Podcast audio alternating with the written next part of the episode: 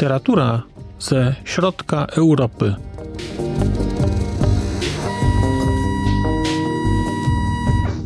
Podcast około książkowy.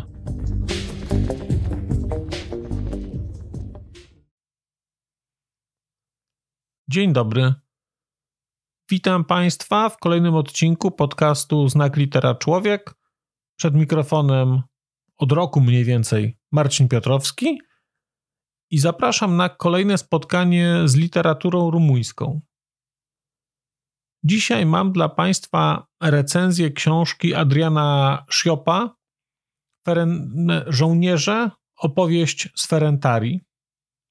Książka, która ukazała się w Rumunii w roku 2013, później ukazała się, nawet to była kilka wznowień tej książki. To jest książka bardzo głośna która w Rumunii odbiła się, można by powiedzieć, szerokim echem. A mamy wielkie szczęście, dlatego że ta książka w roku 2018 ukazała się w Polsce nakładem wydawnictwa Universitas w przekładzie pani Olgi Bartosiewicz-Nikolajew. I bardzo się cieszę, że się ta książka ukazała. Kiedy w ostatnim odcinku podcastu opowiadałem Państwu o książce o książce Wewnętrzny Zero Lawini Braniszte, to miałem gdzieś taką refleksję, jak sobie teraz porównuję te dwie książki, że Lawinia Braniszte opowiadała o kręgu, powiedziałbym, pewnej niemożności, o kręgu nieżycia. I na tym tle książka Adriana Schopa jest czymś całkowicie, absolutnie innym. Jest żywym zaprzeczeniem książki Lawini Braniszte, dlatego że to jest książka, to jest opowieść o życiu, to jest opowieść o kręgu życia, to jest opowieść o chęci na życie, to jest opowieść o apetycie na życie, to jest taki, no, last for life, można byłoby powiedzieć. Ja będę mówił o tej książce e, z pewnym e, takim, e, bym powiedział, pozytywnym wydźwiękiem, bo mi się ta książka bardzo, bardzo podobała. I nie zamierzam tego ukrywać, nie zamierzam na końcu w ramach podsumowania mówić, że to jest nagle, że to jest dobra książka. Nie, to jest książka świetna i mówmy to od razu. Mówmy to od razu. Zacznijmy może od akcji, a zacznijmy w ogóle od, od dzielnicy Ferentari bo Ferentari to jest dzielnica w Bukareszcie. Jeżeli Państwo sobie wpiszecie do Google'a Ferentari i poszukacie sobie obrazków, to zobaczycie coś, czego się pewnie nie spodziewacie w stolicy europejskiego kraju, w stolicy kraju e, będącego krajem członkowskim Unii Europejskiej. Mam tylko taki problem, że nie wiem, na ile to, co tam się ogląda, jest rzeczywistością, na ile te śmieci walające się pod oknami i tak dalej są rzeczywistością, a na ile jest to tylko prawda, wszak jest prawda czasu i prawda ekranu. Nie wiem, na ile to jest właśnie prawda ekranu, prawda jakiejś ściemy googlowej i prawda czegoś, co czego tak naprawdę w rzeczywistości nie ma albo jest jakimś małym fragmentem całości. Ferentari to jest dzielnica Bukaresztu. To jest dzielnica Bukaresztu, która jest dzielnicą taką, nazwijmy to, szemraną. To jest dzielnica narkotyków, to jest dzielnica lewych interesów, to jest trochę taka, taka trochę, nazwijmy to, bandycka dzielnica. I tam rozgrywa się akcja tej książki. Natomiast gdybyśmy byli formalistami, gdybyśmy byli naprawdę formalistami, gdybyśmy chcieli tę książkę zaklasyfikować podle tego, co w niej jest napisane, to powiedzielibyśmy, że ta książka to jest melodramat. Powiedzielibyśmy nawet, że ta książka to jest tani melodramat, dlatego że tej książ ta książka ma bardzo niską cenę i można ją kupić praktycznie za grosze i powinniście Państwo to zrobić, bo jest to rzecz znakomita. Natomiast powiedzenie, że ta książka jest melodramatem, no, do pewnego stopnia byłoby prawdą, ale tylko do pewnego stopnia, dlatego że no, jest tutaj wątek romansowy, jest tutaj wątek miłosny, jest wątek melodramatyczny nawet. Ale czy ta książka jest melodramatem? No, pewnie do pewnego stopnia tak, ale Mam wrażenie, że ta książka jest czymś znacznie, znacznie większym. Ten melodramat, właściwie ta akcja tej książki, to jest ten cały wątek miłosny, rozgrywa się pomiędzy dwoma mężczyznami. Bo z jednej strony mamy głównego narratora tej powieści, czyli Adriana. Adriana, którego do jakiegoś stopnia możemy utożsamiać z autorem. Dlaczego to powiem na końcu, ale mamy Adriana, człowieka, który jest naukowcem, antropologiem, który pisze pracę na temat muzyki Manele. To jest taka, nazwijmy to, muzyka charakterystyczna dla całego obszaru Bałkanów, trochę też Turcji, trochę też Grecji, mieszanka takiego popu, mieszanka muzyki dyskotekowej y, z muzyką etniczną. Tam jest kilka takich charakterystycznych instrumentów, chociażby, chociażby akordeon, chociażby chyba to nie jest flet, to nie jest obój, no któryś jakiś jest instrument denty. Całość jest bardzo, bardzo charakterystyczna, tworzy kulturę e, Manele dla całego tego obszaru charakterystyczną taką. No więc jest Adrian, który jest antropologiem, który pisze doktorat i bada teoretycznie tę muzykę i tych ludzi. I jest Albert. Jest Albert, którego Adrian spotyka. I Albert jest człowiekiem, który z więzienia wyszedł i który jest cyganem, który funkcjonował po, który po 14 latach odsiadki wychodzi na wolność. I tak naprawdę on jest stałym mieszkańcem tej dzielnicy, jest tak zwanym żołnierzem. I tak naprawdę między nimi pojawia się, no nazwijmy to uczucie. Pojawia się rodzaj relacji, której szczegółów nie będę Państwu opisywał, dlatego że sami będziecie sobie, mam nadzieję, tę relację odkrywać i sami ją sobie nazwiecie, bo jest to relacja bardzo nieoczywista i bardzo specyficzna. Dlatego, że w momencie, kiedy poznajemy Adriana, to on jest po rozstaniu z kobietą, a kiedy poznajemy Alberta, to też dowiadujemy się o jego relacjach z kobietami, o jego pragnieniu kobiet, a jednocześnie oni we dwóch wchodzą w bardzo, bardzo taki mocno nacechowany erotycznie związek homoseksualny i są ze sobą. I teraz tak naprawdę ta akcja książki, która gdzieś mamy tutaj ten jeden wątek, czyli ten wątek romansu, wątek bycia razem, ale tak naprawdę ten wątek bycia razem jest e, przyczynkiem do tego, żeby opowiadać o życiu w Ferentari, żeby opowiadać o życiu w Bukareszcie, żeby opowiadać o kulturze Menele. Zawsze się mylę. Nie nauczyłem się tego, gdyż dopiero ta książka pokazała mi, że coś takiego jest. Tak naprawdę ta historia jest przyczynkiem do tego, żeby opowiadać historię o Rumunii i o świecie. Mamy więc akcję. I ta akcja jest rzeczywiście interesująca. To jest naprawdę ciekawa akcja. Od tej książki nie można się oderwać. Ona po prostu pochłania. To jest 250 stron niecałe. Jak się człowiek do tego dorwie, to się to po prostu świetnie czyta. Mamy więc tu kryminalistów, mamy wątki narkotyczne, mamy wątki y, alkoholowe, mamy wątki imprezowe. To jest wszystko w takim sosie miłosnym podlane.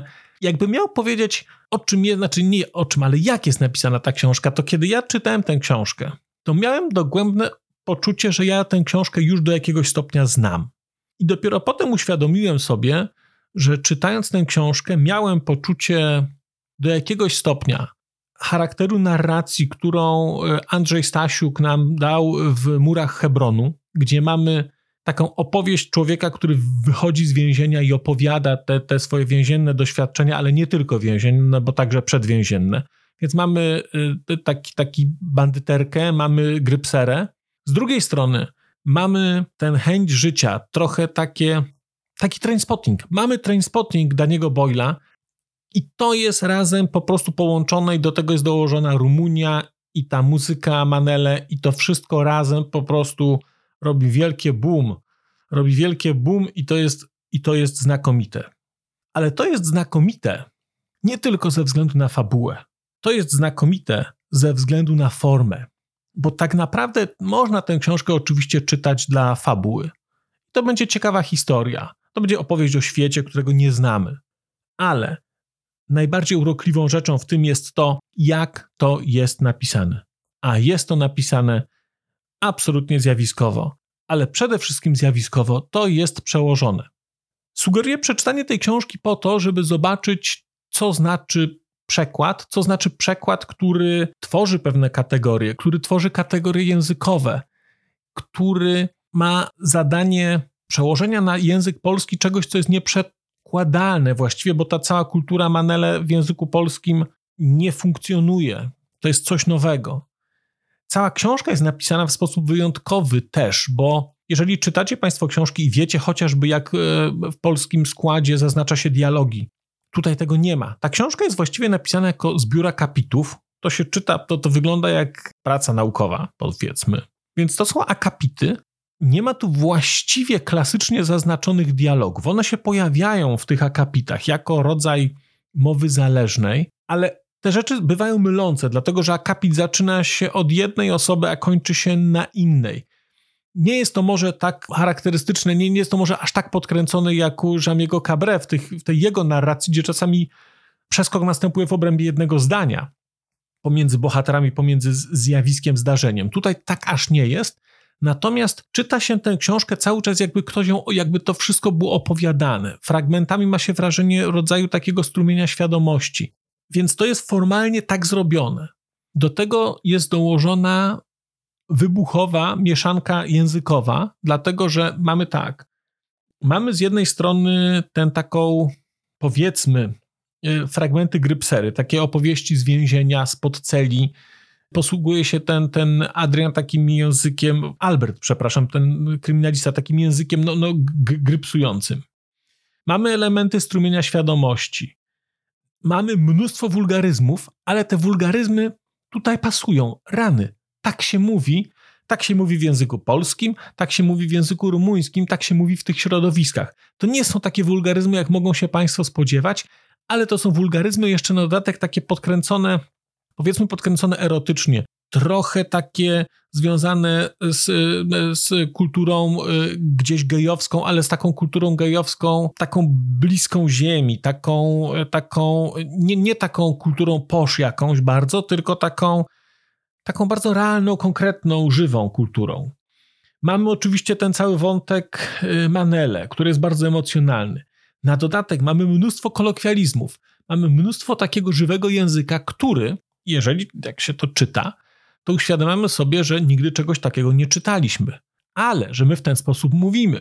Tak się mówi, ale tak się nie pisze. Tego się tak nie czyta. Tu się czyta i nagle widzimy, mamy napisane dwajścia, mamy napisane nowejrzeno.